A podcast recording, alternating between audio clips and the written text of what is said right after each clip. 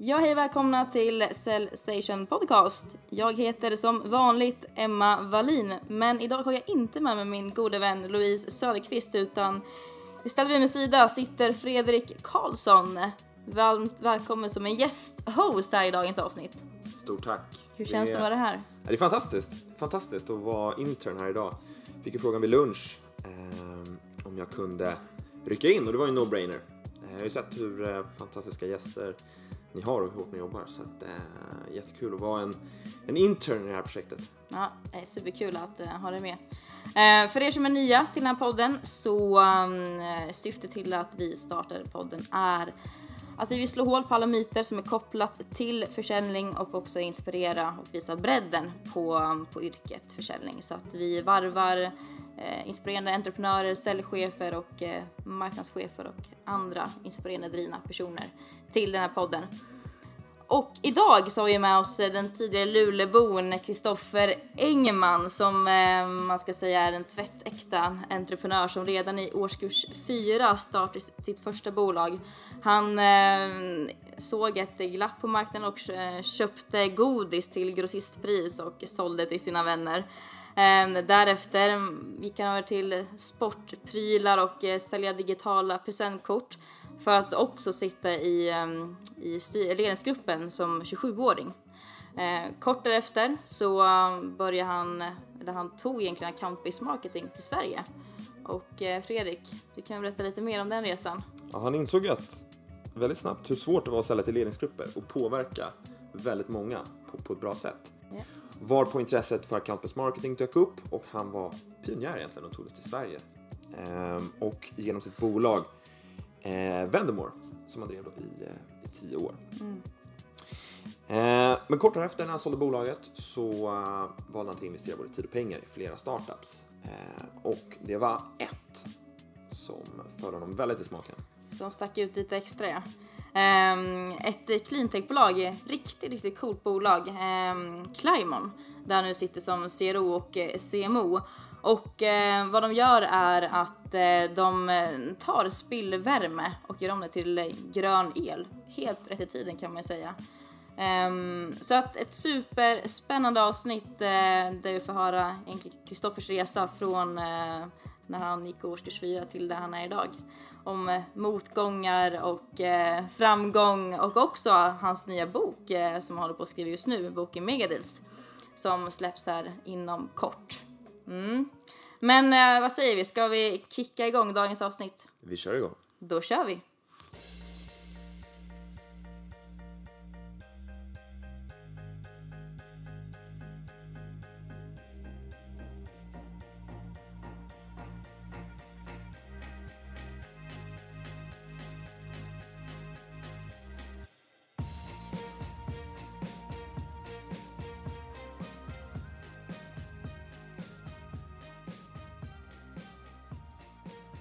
Hej och välkomna till Cellsation Podcast. Jag heter som vanligt Emma Wallin. Men idag har jag inte min eh, partner Louise Söderqvist med mig utan jag har en sidekick Fredrik Karlsson. Välkommen! Stort tack! Hur känns det att vara med? Det är ju fantastiskt kul och det är en, det är en tuff eh, mantel att axla men vi gör vad vi kan. Ja, det kommer gå alldeles utmärkt. Och utöver det så har vi såklart vår huvudperson med oss här, Kristoffer Engman. Varmt välkommen! Tack! Och hur, nu, hur känns det för dig också att vara här? Ja, det är jättekul. Ja, härligt. Nya bra grejer och bra vibe. Det blir jätteroligt. Mm, snyggt! Vi har sett fram emot att ha dig med här i podden. Mm. Detsamma. Ja, kul! Men eh, för att kicka igång här nu. Eh, du är ju mest känd eh, om man tittar på LinkedIn för account-based marketing och Vendemore och just hur man stänger väldigt stora affärer. Men om man pratar lite mer om dig som person, kan du berätta lite kort om dig själv? Eh, vart du kommer ifrån och eh, mm. den korta versionen. Ja, den korta versionen. Ja. Född i Luleå. 44 år gammal. Tre, snart fyra barn. Bor numera i Djursholm. Eh, började som entreprenör någon gång i fyran. Mm. Det var... Till och med något år innan, då, då, var jag med pappa på Dagab, så jag vet inte om det finns kvar längre. Då insåg jag att gro- grossistpriset på godis var, var typ en femtedel av vad det butik. Så då frågade jag om jag kunde lägga några veckopengar i rad på att köpa ut godis. Och så sen sålde jag det till kompisar. Lite, Och då gick det fyran. girigt.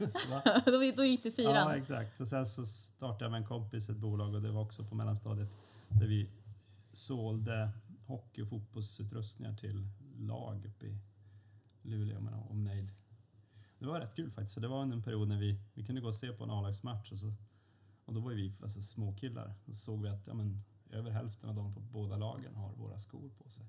Mm. Fotbollsskor. Då. Snyggt. Ja, det är gammal fotbollsspelare Mm, själv. precis, jag Ja. spelade till jag var 35 faktiskt. Oh, shit. Både uppe i Luleå och Boden och så sen sväng i Italien i Frankrike och så i spårvägen här i Stockholm. Snyggt. Men det är inte, inte hockey det naturliga valet? Jo men det är det ju. Ja. Det är ju helt dumt att börja med fotboll om man bor där uppe. Men min eh, bästa barndomskompis som jag sålde de här grejerna med, han kom faktiskt ända vägen till NHL. Tyvärr skadade han sig nästan direkt och var tvungen att lägga av med hockey. Men han, han tog sig för- till NHL och det är klart att oddsen är bättre att bli hockeyspelarproffs om man bor i Luleå än att bli fotbollsproffs. Mm. Men jag vet inte, jag tror inte jag tänkte så mycket kanske på det. Men mest på vad, du- vad du ville göra, vad du tyckte var kul. Kicka Ja, boll. jag tyckte fotboll var roligare. Ja. Eh, Snyggt. Så det är från Luleå. Startade ditt första företag när du gick i fyran. mm. Sen flyttade du till Stockholm. Precis som min dåvarande eh, flickvän, hon kom in på Handels och jag var faktiskt på väg till Göteborg men hon insisterade, för jag tyckte Stockholm var lite sådär snorkigt. Eh, då visste jag kanske inte riktigt bättre. Eh, men hon insisterade på att hon ville gå på Handels och då, ja, då sa jag väl okej, då gör vi väl det då. Så flyttade vi hit och det ångrar jag inte en sekund. Eh, inget fel på Göteborg men Mm. jag, jag skulle inte vilja bo i Göteborg hellre. Jag bor Mm. hellre här. Sen så, alltså, man vet ju aldrig vad saker har tagit vägen men jag hade någon sån här förutfattad mening att det var väldigt snorkigt här, men Mm. det är det ju inte. Nej. Jag Eh, kan känna igen det. Jag är själv från en liten stad i eh, Värmland. ja, Värmland, okej. Karlskoga och Mm. det är lite samma man kan få i Mm. början när man hade flyttat hit och så åker man tillbaka det- och hälsade på. Exakt, det Så- finns ju lite grann någon sån här... Eh, det kan man nästan, om man är med sälj, det kan man nästan spela på. Så när man åker ut till mindre orter så, så är jag ganska snabb att berätta att jag är från Luleå och inte från Stockholm. Just det, bara för att släppa sargen och Ja, man inte. Ja, Ja. ja, ja Stockholm är Ja, jäkla exakt. snorkiga. Ja, ja, visst. Ja. Mm. Det, är, det är märkligt där då. Ja, Ja. ja. men så är det Mm. Sen så kom jag hit och så, så jag pluggade och jobbade ett år. Eh, sen så efter det så sökte jag mig till tre olika bolag och tänkte om jag får något av de här då... då Hur gammal är du här? Har Ja, du, men- plugg, du har pluggat? ja, men precis, eh, ja, men jag hade en liten kort sväng där. När jag var 18 så pluggade jag i Frankrike ett år. Mm. Kanske jag glömde nämna. Eh, och sen kom jag hem och så pluggade jag två år till och sen så åkte till Italien ett år, pluggade och spelade fotboll där. Och sen så kom jag tillbaka till Luleå, pluggade ett år till och sen flyttade vi hit. Och då läste jag industriell ekonomi och sen läste jag systemvetenskap här ett år. Jag hade fa- faktiskt tänkt ta en sån här dubbelmaster men då, då, det här var när dotcom var som hetast så att någonstans där eh, 90, 99, va? ja men Ja. 99 exakt. Då, då var dotcom så otroligt hett och jag såg kompisar som var ett, två år äldre som liksom startade bolag som ganska snabbt blev framgångsrika och kände shit det där måste jag vara med Mm. på. Men då tog jag jobb, jobb, jag tog anställning på ett bolag som heter Connecta som nu är en del av Acando. Som då var 60 pers ungefär. Ehm, och, jag var den första som kom från, direkt från skolan där jag tror jag hade lyckats imponera på dem genom att ha gjort, jag hade gjort ett konsultuppdrag åt H&M's ledningsgrupp bland annat och sen hade jag skrivit en bok i matematik de tänkte vad är det för weirdo? Antingen är han bra eller så är det något ska, ja. Nej, men så jag, tror, jag tror jag fick chansen därför då. Eh, och fick ganska snabbt vara projektledare för ett 13-mannaprojekt nere på svenska Volkswagen som jag egentligen inte var helt beskaffad att göra tycker jag så här i efterhand. Okej. jag, jag tror att, inte, jag lyckades kanske överleva men det, jag var egentligen inte... När man kollar på det nu så är det så här, åh nej, jag var inte bra. Okej. Bara punkt.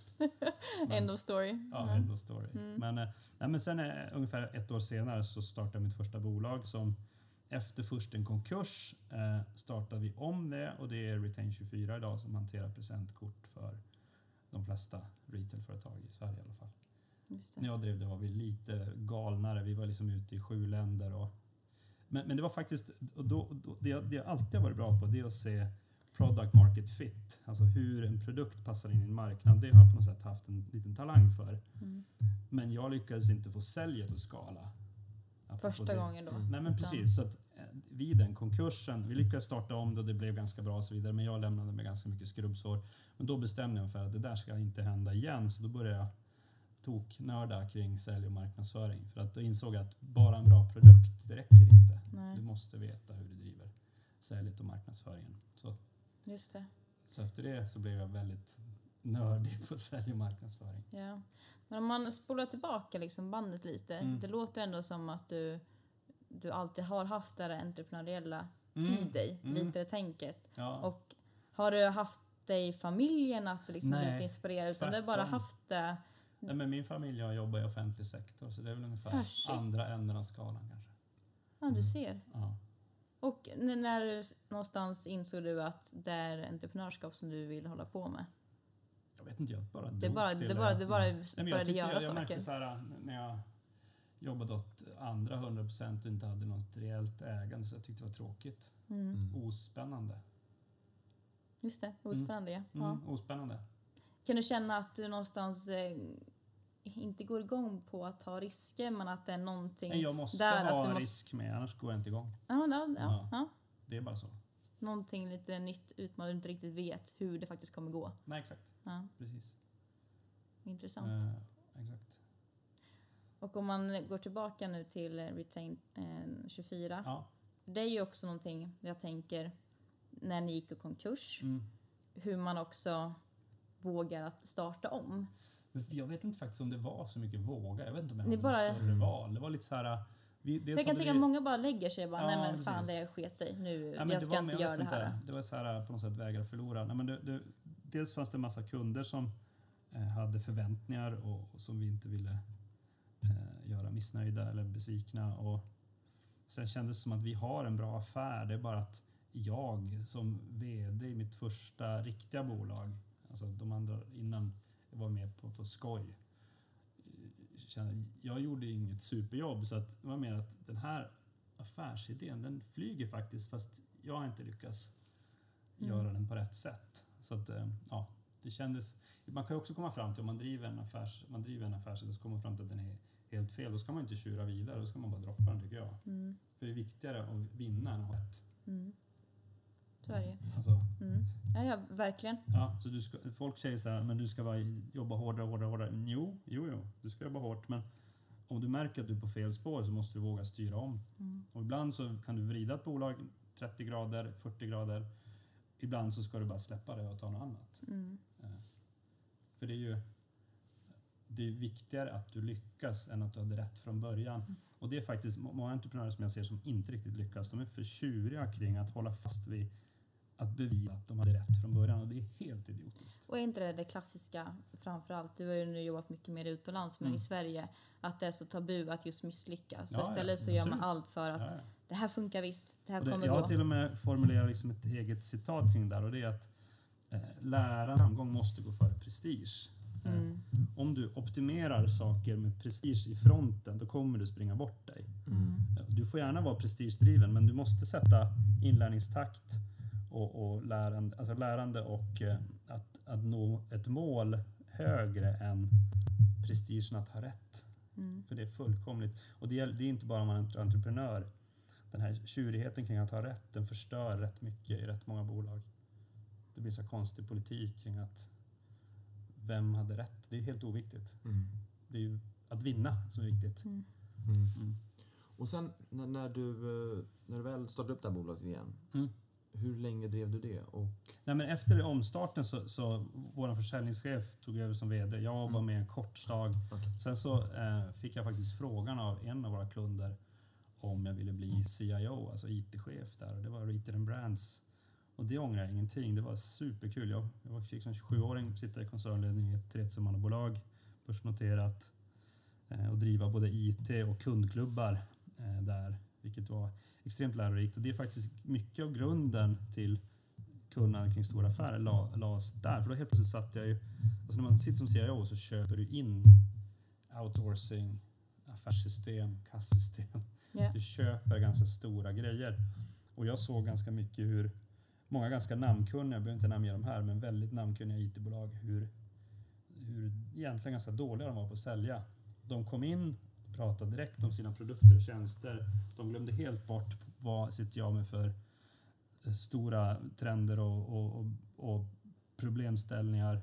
Eh, varför, om man kommer fram till att man har ett visst, visst problem, varför just den typen av lösning? Jag menar, till exempel det ni är inne i, att få skalbarhet i säljet, det kan ju vara leda till säljutbildning, CRM, det kan leda till att man ska läsa Megadisboken, det kan leda till att man ska lyssna på den här podden. Mm. Det finns ju alternativa kategorier av lösningar. De hoppar över allt det där och bara på rakt in sin produkt och ville dema dem och så vidare. Och jag tyckte det var...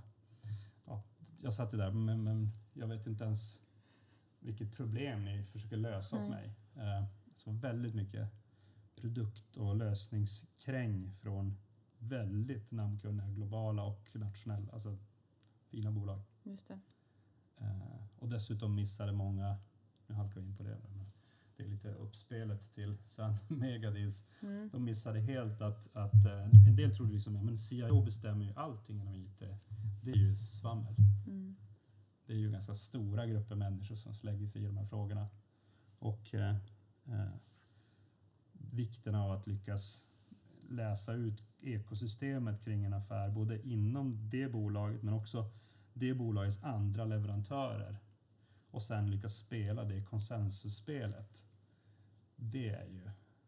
Det såg jag, tror jag, där när jag satt som CIO, att hur det faktiskt egentligen funkar. Mm. Man tror ju lätt, framförallt om man sitter ute och inte har varit i stora bolag själv, så tror man att ja, men det är väl ja, men det är den här titeln som sitter på den budgeten och därför bestämmer hen om Ja. den här frågan. Mm. Men det är inte så. Nej. Det finns väl alltid eh, någon statistik på, baserat på hur många anställda ett bolag har, så är det x antal många beslutsfattare. Och det är ändå väl rätt så många bara om man ser till... alltså, om Eller hur, hur på, rätt är Mm. den? Ja, men, nej, jag- precis, den siffran. Det är många som slänger sig med siffran 5,7 personer som kommer Ja. från CB och lite andra. Jag skulle säga att i stora affärer så är det trams. Ja. Ja, men En, en som har intervjuat till exempel som har gjort den största affären IBM någonsin har gjort i Marocko. Bara på IBMs sida så är det 499 personer som har skrivit på NDA. Mm. Alltså på IBM, på den säljande sidan. Hos kunden vet jag inte siffran men det är nog väldigt många. Eh, och, och det är otroligt många personer med, både inom kundens verksamhet men också i, omkringliggande leverantörer. Och ibland kan det vara stora affärer, och ofta inblandning av politiker och andra typer av aktörer. Mm. Eh, Men, men eh, tillbaka till entreprenörsresan. Ja, eh, exakt. Ja. Men det, det, var, det var intressant att stanna där, för Retain 24 var Retain 24 och sen bytet till att bli en, hoppa över till en av Retain 24s kunder var extremt lärorikt ur egentligen att identifiera svårigheterna i, i större affärer som jag sen liksom har byggt vidare på. mm. Vendemore som, som sen vi kan hoppa, är ett Ja, mellan, men med båda, båda däremellan, men jag kan komma till det sen. Ja. Vendemore byggde rätt mycket på CIO-insikterna. All right. Ja. Men vi kan, sen efter Retain 24 så, så hoppade jag över till Retail Brands, var CIO där ett tag Mm. och sen så eh, startade jag ihop med två andra killar bolaget Taxisystem som nyligen såldes till Fågelviksgruppen och som en del av, av det som heter Cab Online. Det var egentligen ett system liknande Uber fast gjort för taxibolagen. Väldigt modernt jämfört med vad som fanns då. Mm. Verkligen. Eh, och, och det, ja, men det är ett jäkligt fint bolag. Mm. De flesta taxibilar i Sverige, om man sätter sig där, eh, fa- faktiskt tyvärr allra minst i Stockholmsområdet, men övriga Sverige så sitter man och tittar i skärmen så står det taxisystem med en orange logotyp. Den jag ritade för hand en gång i tiden. Oh shit. Snyggt. Det var så kul, jag satt i jag skulle föreläsa om entreprenörskap uppe på Luleå tekniska universitet och så satt jag i taxin från flygplatsen till universitetet och så såg jag då, för där har, från, från Stockholm och uppåt så har alla på riktigt, det, är som, ja, det kanske finns något undantag men det är nästan 99 procent av marknaden använder då vårt system. Och då såg jag att han hade systemet och så började vi prata och så sa jag, ja, men jag har startat det här bolaget som, som har gjort det här systemet. Och så såg jag hur han såg så här galet skeptisk ut. Så här typ, mm, Jo. Tjena. du har nog kanske jobbat där eller ja, Just det. kanske installerar. Ja, Roligt. Ja, men då finns det ju liksom sån här trick som man trycker en viss kombination så kommer det fram en hund som är då i utvecklingschefens hund som skäller i bilen. Och det är någon sån där, som en del utvecklare tycker de gör, man bygger in små, Aha, som koder så här. små koder. Och då var Fattar. det så här, Då Aha, aha, du har verkligen... Nej, vad roligt. Ja, ja. Du- först var det så här, mm, Tjena, vem, vem tror du att det är? mm. Men hur kom du till den insikten? Eller hur utvecklades taxisystem? Jo men det var så här, för, eh, apropå att Retain 24, eh, som från början hette Bluegrid, var runt om i, i, vi hade ju affärer i sju länder, eller försökte få affärer i sju Mm. länder, vi hade kanske affärer i tre länder. Och då såg jag såklart miljarders taxibilar i rätt många länder och att de hade komradio, eller i bästa fall något jättegammalt skräpsystem. Och eh, när jag sen åkte i det som då hette Stockholm Transfer som nu är en del av Sverige Taxi, eller var egentligen embryot till Sverige Taxi. Då såg jag ett system som, som var Windows-baserat för smartphones och såg väldigt modernt ut. Det var en helt annan grej. Och då frågade jag en chaufför i Stockholm Transferbil vem som byggt systemet och då var det svaret Patrik. Då visade det sig att det är, och han är nu utvecklingschef då på taxisystem. Eh, Patrik hade då själv byggt det här på konsultbasis åt Stockholm Transfer. Så, så då kände jag, mm, det här passar ju typ i hela Europa. Alla sitter i komradio. Det kommer givetvis styra över till IT-baserade lösningar. Det är ju en stor marknad. Eh, och, ja, Just det. och jag ville faktiskt bygga lite mer Uber-liknande, men vi hade kanske lite olika Verkar ha syn tankar. på, Mm. på vilken väg vi ska gå. Men då slog du an en signal? Eller hur var Ja, men precis. Men då, ring- då ringde jag till då ringde jag till Patrik. Det tog väl tio mö- möten innan han tyckte det var en bra idé att vi skulle försöka starta ett bolag kring det. Men då lyckades vi förhandla till ett avtal med Stockholm Transfer som flyttade tillbaka rättigheten då in i vårt bolag. Eftersom har du köpt det på konsultbasis så äger du. Ja. Så vi skrev ett avtal att vi tog över rättigheten mot att Stockholm Transfer fick fria uppgraderingar under X tid och ganska reducerad avgift per bil. Så att det var en win-win. Mm. Och sen är det också hade Stockholm Transfer varit tvungna att finansiera vidareutvecklingen av ett sådant system så blir det ganska dyrt. Det är bättre för dem också att vi sprider, alltså att vi tar intäkter från många. Mm. Så, Just det. så gick det till. Och sen därifrån, det var då precis. du Ja, startade Vendemore. Ja men precis, och då, då, då tittade jag på två olika typer av spår. Det ena var inom eh, vad heter den? Two-factor identification. Alltså ni vet när ni ibland loggar in så får ni ett sms där man ska skriva in en kod också. Mm. Alltså det kallas då two-factor, eller du har vad heter det, fingeravtryck och kod. Alltså när man Just har det. två olika sätt att identifiera sig på. Och det var då ganska nytt. Så att antingen bygga ett sådant bolag och då integrera det med Microsofts olika lösningar och även andra leverantörer. Eller bygga någonting inom marketing technologies. Och det blev det senare och det Vendemore som, som, eh, som jag och två programmerare startade då eh, som tyvärr sen hoppade av de två så, så min nuvarande fru och en till kille kom in istället. Vi, grundtankarna i Vendemore byggde mycket på det jag såg som köpare på retail, på, på retail brands. Mm. När jag såg hur mycket ganska mycket interna konstiga diskussioner som föregick en affär. Så här, leverantörerna träffade mig och kanske koncernchefen eller några till men bakom kulisserna var det ganska mycket gegga. Mm. Ehm, Så, så då tänkte vi, ja men kan man influera många människor på ett bolag där man håller på att göra en större affär så borde det löna sig. Mm.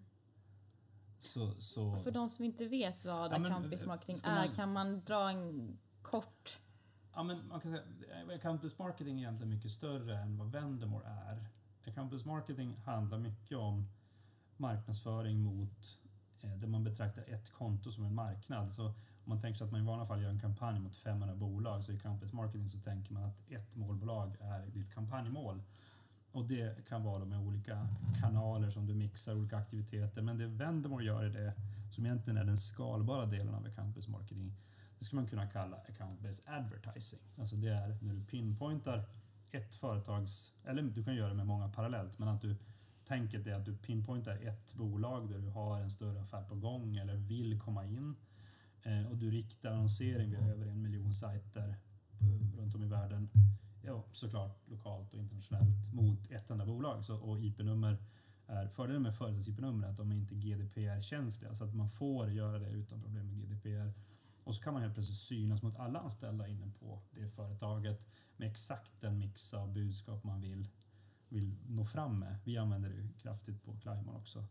Eh, och eh, på så sätt infiltrera en organisation långt bortom de få personer man som leverantör får träffa.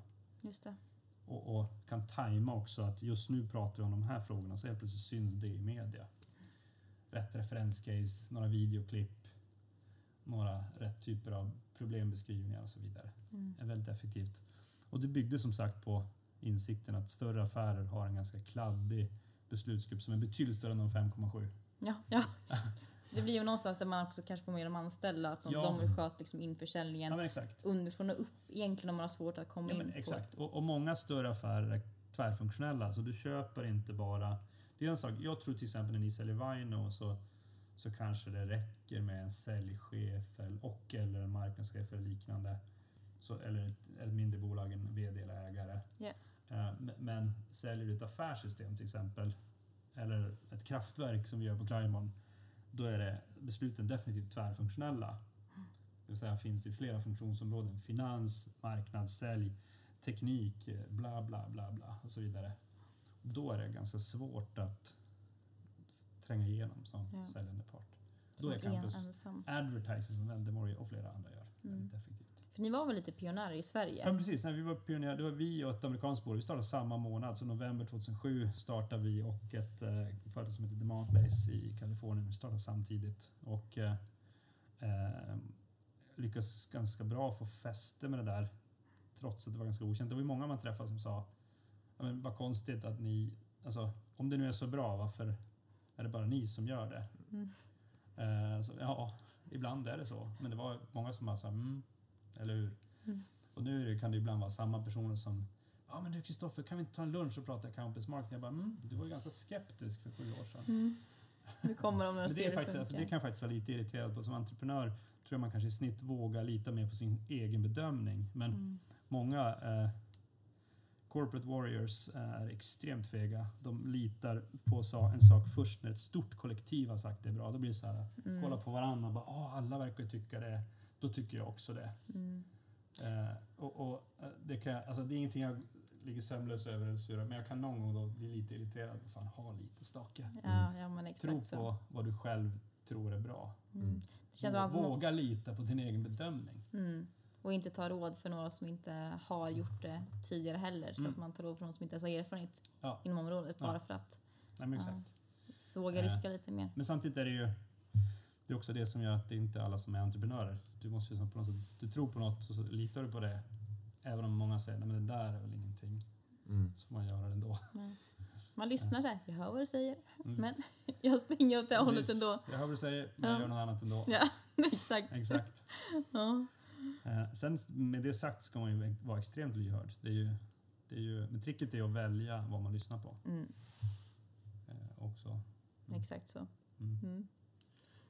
Hur kom, hur, hur kom marknaden att se ut sen efteråt? Jag menar, det är ju ofta när man kommer in som, som, som första bolag sådär, Mm. på, på en marknad, Mm. man krattar mycket så kan Ja. det komma in... Ja men exakt, alltså det, är ju, det roliga är att den, jag, jag pratade nyss med Mark Organ som grundade Eloqua. Och så sa jag, men det är ju nu marketing automation tar fart i Europa. Han bara, jag vet. Det var 20 år sedan jag startade Eloqua som är världens största Ah, marketing automation system. Då, då, då, sa, då sa vi just att det komiska att när vi liksom håller på med våra grejer så tänker man att ja, men nu gör ju alla det. Fast det är ju kanske 10% av alla europeiska, om vi tar Europa, som, som, som vet vad campus marketing är och 10% av dem som gör det. Det vill säga 99% av marknaden är ju kvar. Mm. Men bland, bland lite större bolag ska jag säga att det är väldigt många som har kommit igång på någon nivå eller åtminstone beslutat att det ska vara en viktig del i deras strategi. Deras kundstrategi. Mm. Det, det är, ja.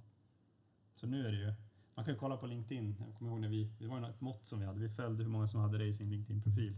Det gjorde en sökning på det inom situationstecken och så fick man upp så här 77. Nu är det ju, jag vet jag har inte gjort det på länge, men nu är det Mm. säkert 100 000 pers Mm. som har Som det det. Ja. i sin titel. Eller Shit. någonstans i profilen. Mm. Mm. Ja, det är Men det är samma i ert område. Det var ju, så kom ju ytterligare en våg senare. Där är det ju...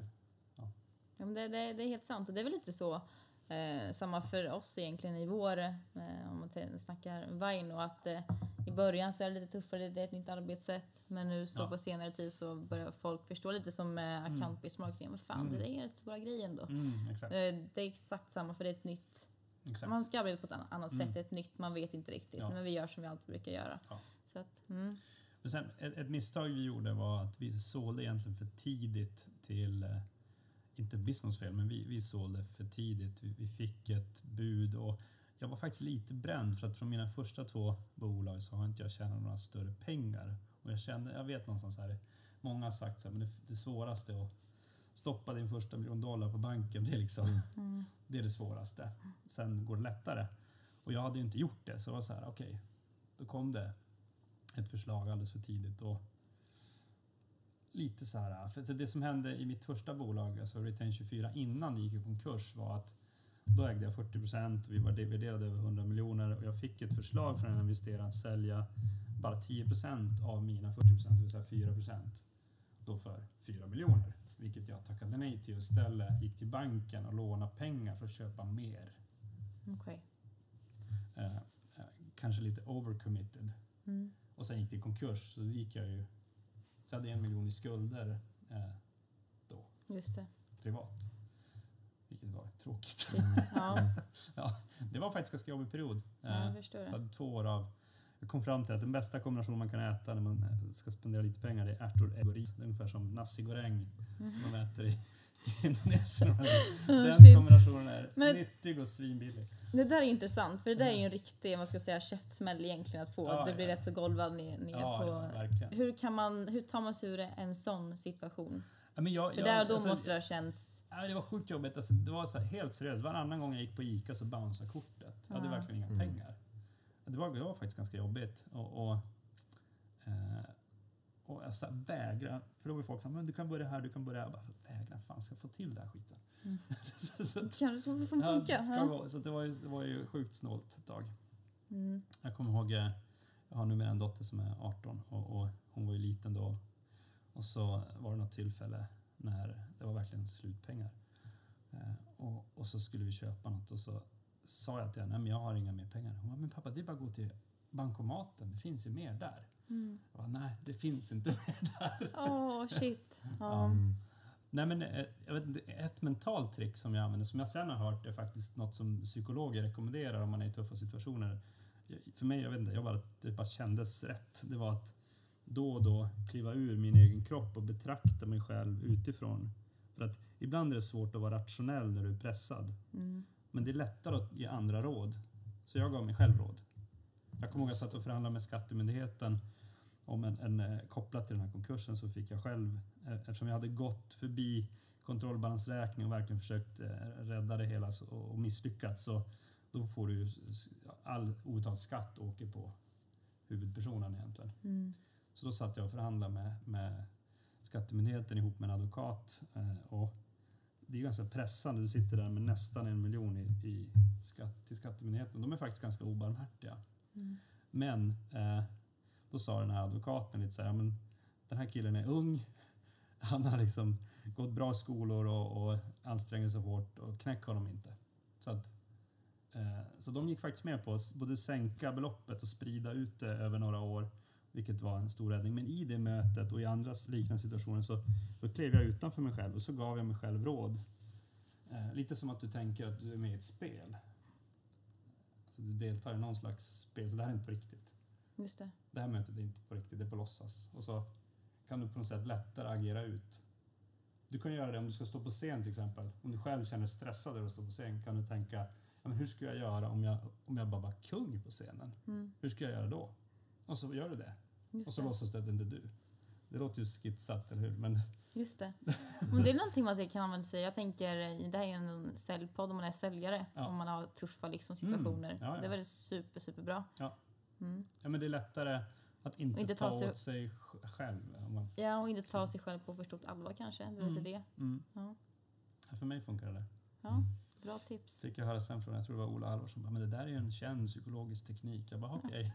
Perfekt. ah, shit. Ja. Men en liten sido, om vi spolar tillbaka till det också där eh, efteråt, Ja. konkursen. Ja.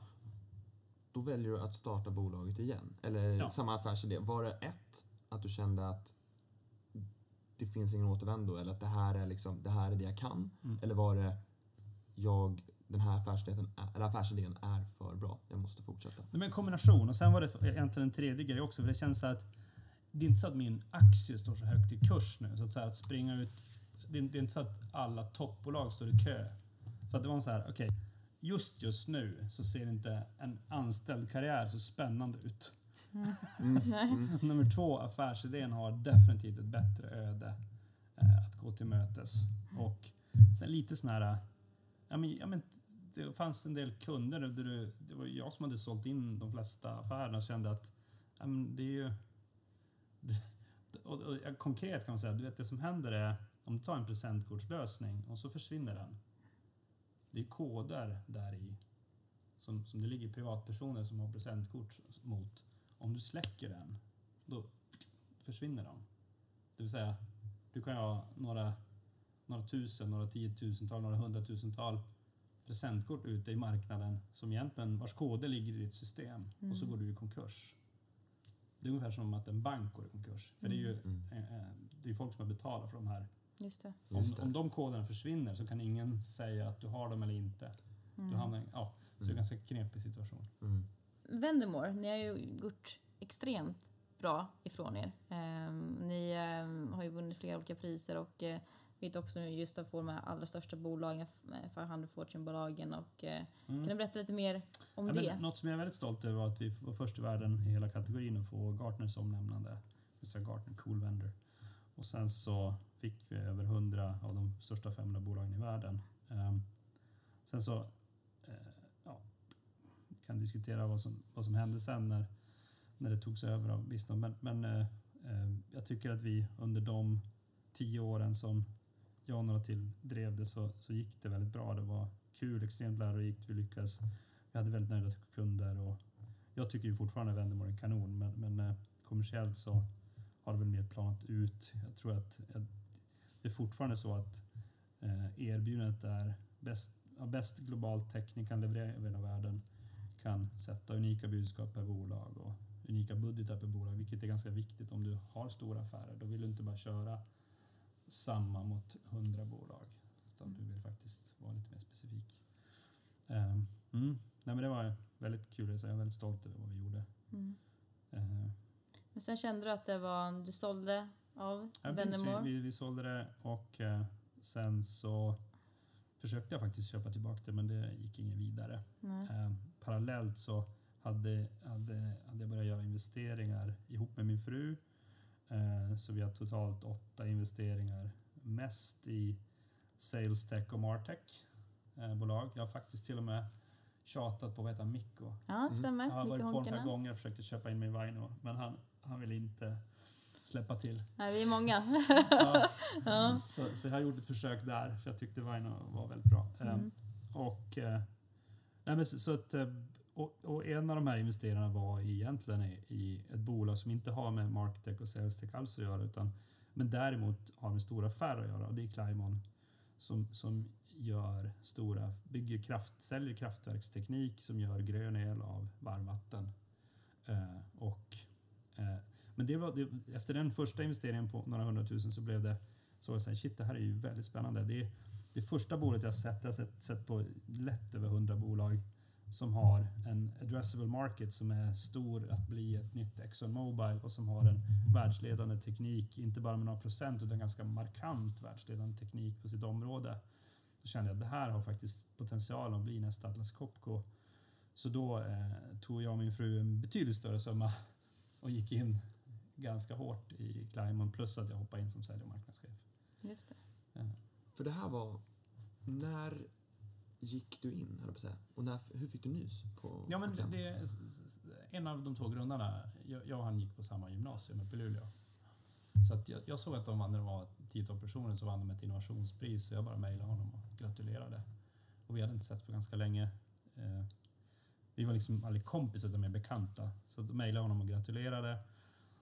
Och sen några veckor senare så de av sig och ville se om jag var intresserad av att investera i, i Climon. Och då var det ett jättelitet bolag med i princip inga intäkter och så vidare. Så då, då köpte jag mig första gången. Men i det paketet så körde jag också några workshops med sälj och marknadsgänget där och eh, började känna att mm, Det finns lite ju- att jobba på. det här är ju ganska... Ja, dels det, men sen kände jag dels ett, det här bolaget kan vara med och rädda världen på riktigt. Mm. Två, det är rakt ner i mitt favoritområde som är megadeals, stora affärer ur ett sälj och marknadsperspektiv. Då kände jag, mm, kan jag rädda världen och själv hoppa in och vara med och göra riktigt stora affärer. Eh, den största vi har gjort hittills är på eh, ungefär 700 miljoner. Mm. Eh, och våra piloter liksom 30-40 miljoner, 60 miljoner ibland och så vidare. Wow. Eh, vilket är ganska häftigt. Och eh, ja, får väl inte kommentera så mycket mer om, om framtiden eftersom vi, vi numera är listade på Nasdaq. Så att, Såklart. det, finns, det finns baksidor med att vara listad. kan man Ja. inte säga lika mycket. Men, men berätta lite mer. Alltså, ni omvandlar Vi, vi, spillvärme... gör, vi tar värme både från stora fabriker, Ja. stora fartygsmotorer, eh, stora motorer generellt, men framför allt från marken. I Sverige till exempel så har nästan alla som har en villa har bergvärme. Eh, vi har jordens kärna som är 5500 grader och så blir det svalare och svalare och svalare ut mot jordskorpan. Så om du bara går ner några hundra meter så är det ungefär 4 grader varmare. Går du ner 1000 meter så är det plötsligt mycket varmare. Mm. Så om du har till exempel, du känner någon som någon gång har jobbat i gruvindustrin så brukar de berätta att djupt ner i gruvorna så är det galet varmt. Mm. Och, och det är jordens, det är ju jordkärnan som strålar ut värme hela tiden och det gör den hela tiden så att det finns liksom ett värmeflöde, precis som från solen fast det här är då vår egen sol inom jorden som då eh, strålar massor med värme som man inte tar hand om. Så vår stora grej det är att plocka, och under vattnet, under marken så finns det stora vattenkällor. Som, de kan vara större än Vänern fast under vatten. Eh, förlåt, under marken.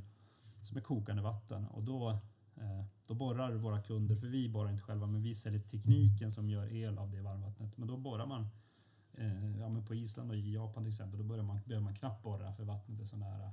Mm. Och samma del av Kalifornien och så vidare. Vatt- Varmvattnet, det är därför du har span. Om du åker i Östeuropa så har du span överallt. Det är för att varmvattnet är nära marken. Och det kommer från, det värms av jorden. Eh, och, och på andra platser så får du borra några tusen meter för att komma åt vattnet. Och det vattnet plockar man upp, kör genom våra maskiner som då gör el av den värme. Så gör om värmeenergi till elenergi. Mm. Och det är, alltså det är kraftverk fast det bränner inte något utan du nyttjar en värme. Eh, och det är samma från ta, stora- ta SSAB till exempel. Där har du massor. Om du åker förbi ett av SSABs stora eh, stålverk så ser du att det ryker överallt och folk tror att det är kemikalier men det är nästan bara vattenånga. Så det är värme som bara läcker ut så här, som ingen tar hand om. Så vi tar hand om, om eh, och det är faktiskt positivt kopplat till årets val faktiskt. Nästan alla partier pratar om att energieffektivisera svensk basindustri. Och där är vi en ganska viktig del. Att ta hand om Så bra. värmen från de här. Du, om du har till exempel ett, ett stort stålverk kan liksom försörja en mindre stad med el bara på spillvärme. Ja, shit. Det är hur mycket som helst.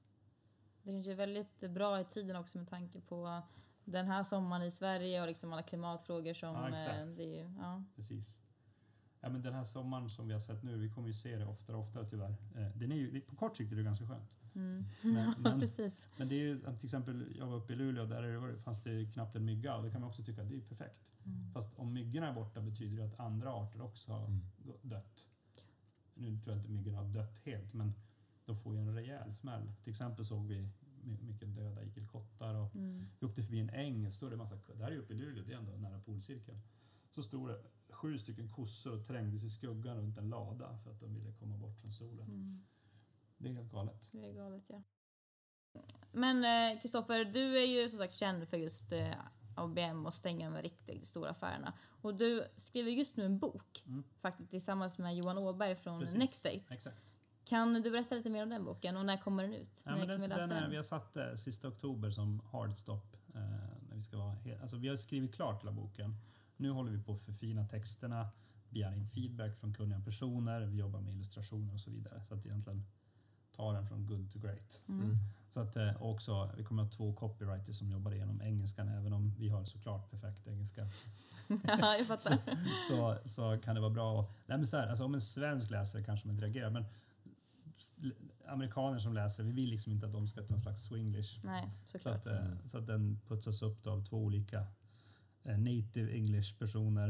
Eh, nej men kortfattat det man kan säga, jag har sett, och det här kom egentligen både från Retail Brands men också under Vendemore-tiden där vi jobbar med över 100 Fortune 500-bolag så såg vi att de här största affärerna görs inte riktigt på samma sätt.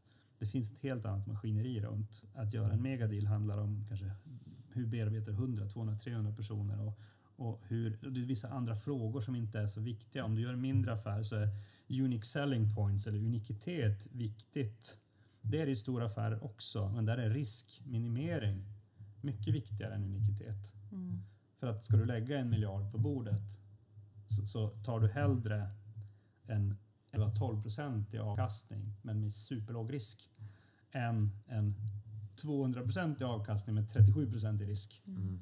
Just Alltså, det, det är, även om du, du tjänar mer på den 200 procentiga i snitt så är det de flesta i större bolag vill inte ta den risken. Mm. Det för, blir för galet. Så det, därför är risk mitigation som det heter på engelska eller riskmitigering eller riskminimering på, på svenska är det är en av de två bärande delarna och den andra har egentligen att göra med hur måste du jobba annorlunda när du har ett kollektiv av människor snarare än några få. Eh, Det kan man säga är de två stora, stora grejerna. Sen handlar egentligen hela boken om hur du på olika sätt jobbar med de här två. Den st större delen av boken handlar också handlar om den e-, alltså riskmitigering är jättestor, det är det största, överlägset största kapitlet. Men sen hur du kartlägger ekosystemet runt en affär, både målorganisationen på eh, hierarkiska nivåer, funktionella områden och ibland även landperspektiv. Så ibland ser det ut som en kub där du försöker mappa in vilka individer och grupper av människor måste vi interagera med. Men det som många inte tänker på det är att det nästan alltid i en megadeal berör människor utanför den köpande organisationen. Mm. Så du kanske behöver få sju andra organisationer med dig för att kunna stänga affären. Just det. Eh, och, och att förstå hur man ska kartlägga det och hur man sen ska bearbeta det. Där är ju account marketing en del, hur man bearbetar ett så stort kollektiv. Eh, det är liksom den ena stora grejen och det andra har med, med risk snarare än uppsida som fenomen. Och där, jag menar, om du tar 100 sälj och marknadsförare och så frågar du dem hur du driver dialog kring risk så vet de knappt vad du menar. Mm. Men i, i megadeal så är det major. Mm. Det är stort.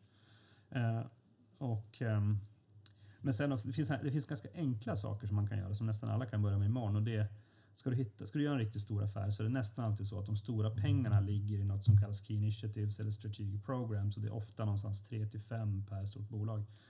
De brukar vara beskrivna i vd-ord, i årsredovisningar, i andra delar av årsredovisningar, i pressreleaser och så vidare. Där det står det kan vara till exempel eh, digitalization kan vara ett sånt key initiativ. Det är deras största satsningar. Där, om du inte mappar in ordentligt i en sån så kan du nästan vara garanterad på att du inte kommer att göra en megadeal. Mm. Och det är väl det som är svårigheten idag för de flesta organisationer då, att kartlägga. Ja, exakt. det. Mm. Så att eh, till exempel på Climon så tittar vi eh, när vi säljer mot större organisationer, vilket vi inte alltid gör, men när vi gör det så tittar vi alltid har de någonting åt det gröna som ett key initiative? Om de inte har det så pratar vi inte ens med dem. Nej. För att, att vi ska åka dit och förklara klimatförändring, det är en för lång resa. Ja. De ska redan ha miljömål och vi ska se exakt hur vi kan spela in där. Just För då det. vet vi att här finns det pengar som vi kan göra något bra med. Just det. När släpps den? Eh, absolut sist, senast sista oktober. Snyggt. Spännande. Mm. Men- Men den innehåller ju, den innehåller ju, vill man förstå mer om social selling, vill man förstå mer om campus marketing, vill man förstå mer om ekosystem och också vilka skills en megadealer ska ha så, så beskriver vi det i boken. Ja, det är perfekt. Och vi försöker göra som en handbok så den ska inte vara så flummig utan den är ganska konkret faktiskt. Mm. Vi väntar på, på inbjudningsfesten. ja, Releasefesten. Ja, det är bra. Mm. Kristoffer, vi börjar när, närma oss slutet här nu och för att eh, avsluta. ehm, om man är säljare eh, och eh, kanske idag jobbar med mer transaktionell försäljning men vi tar det till nästa steg och gör liksom mer större affärer, mer komplexa affärer. Ja. Eh, har du tre tips till den personen hur man lyckas med det? Mm, nu ska vi se. Men den första tror jag skulle vara, alltså egentligen kopplat till det jag nämnde om Key Initiatives. Oavsett Key Initiative eller inte, så läs din målkunds årsredovisning. Eh, om du läser den och förstår den, då vet du nästan alltid mer än i princip alla anställda på bolaget. Det är en ganska bra start. Och i den så brukar det stå mer än vad man tror om vad bolaget gör, vart de är på väg, vad de satsar på, vad de har för utmaningar och så vidare. Eh, framförallt för börsnoterade bolag så brukar det vara väldigt tydligt. För det måste, man måste ta upp sånt. Just det. Så nummer ett, läs årsredovisningen. Ja, läs årsredovisning. Nummer två är att prata brett. Alltså att interagera med många personer hos målbolaget. Och det måste man göra tidigt. För gör man det när man kommit för långt med sin champion eller sin huvudperson, då, då, är du nästan, då betraktas du som illojal om du pratar brett. Så du måste starta tidigt av många dialoger. Och gärna, som du nämnde tidigare, faktiskt ibland gå underifrån. Mm. Prata långt ner. Vi, kall, vi kallar det att hitta trojaner, men det vi kommer inte in på nu. Nej, ja, men snyggt. Eh, Och ett tredje tips. Hmm. Ja, men den är nog riktad till kanske marknadsavdelningen som ska stödja säljare och det är faktiskt att börja jobba med campus marketing för det, det är faktiskt en no-brainer. Mm. eh, tycker jag. Snyggt. Ehm, vem skulle du vilja se som gäst här i Station Podcast? Har du någon som eh, dyker upp i huvudet som du tycker borde Jag tycker nog min medförfattare Johan Åberg är... vi- Jag och han har lite olika kompetenser så att han lyfter ju... Jag menar, vi, vi är ju överens om det som står i boken fast vi har olika infallsvinklar. Mm. Eh, och, och eh, ja. Så Johan Åberg? Ja, Mm. precis. Snyggt. Han är bra. Men sen eh, Mark Organ, det, då kanske ni övergår till prata utrikiska men Mm. grundaren av Eloqua, han är rätt smart filur. Snyggt. Superbra. Ja, Tack har, för de tipsen. Då har vi. då har vi första, första till utlandsexpanderingen. Exakt. Perfekt. Grymt! Men Kristoffer, avslutningsvis också. Var, var och hur kan eh, våra lyssnare se och följa dig? Ja, men det enklaste är nog att följa mig på LinkedIn. Jag har ju tyvärr lite så här ilandsproblem. Jag har ju maxat ut kontakterna man kan ha på LinkedIn, men det går att följa mig där. Sen eh, samma på Twitter, där har jag Chris Engman. Eh, och eh, ja, men det är väl de två. Mm. Snyggt. LinkedIn är väl där jag är mest aktiv, Mm. helt klart. Och du är en social selling guru också. Så att, eh, mm. Tack. Ja men grymt. Stort tack för att du kom hit. Tack själva. Bra, riktigt bra diskussioner. Tack. Så kära lyssnare, vi hörs igen i nästa vecka med ett nytt avsnitt. Ni får ha så bra tills dess. Hej då!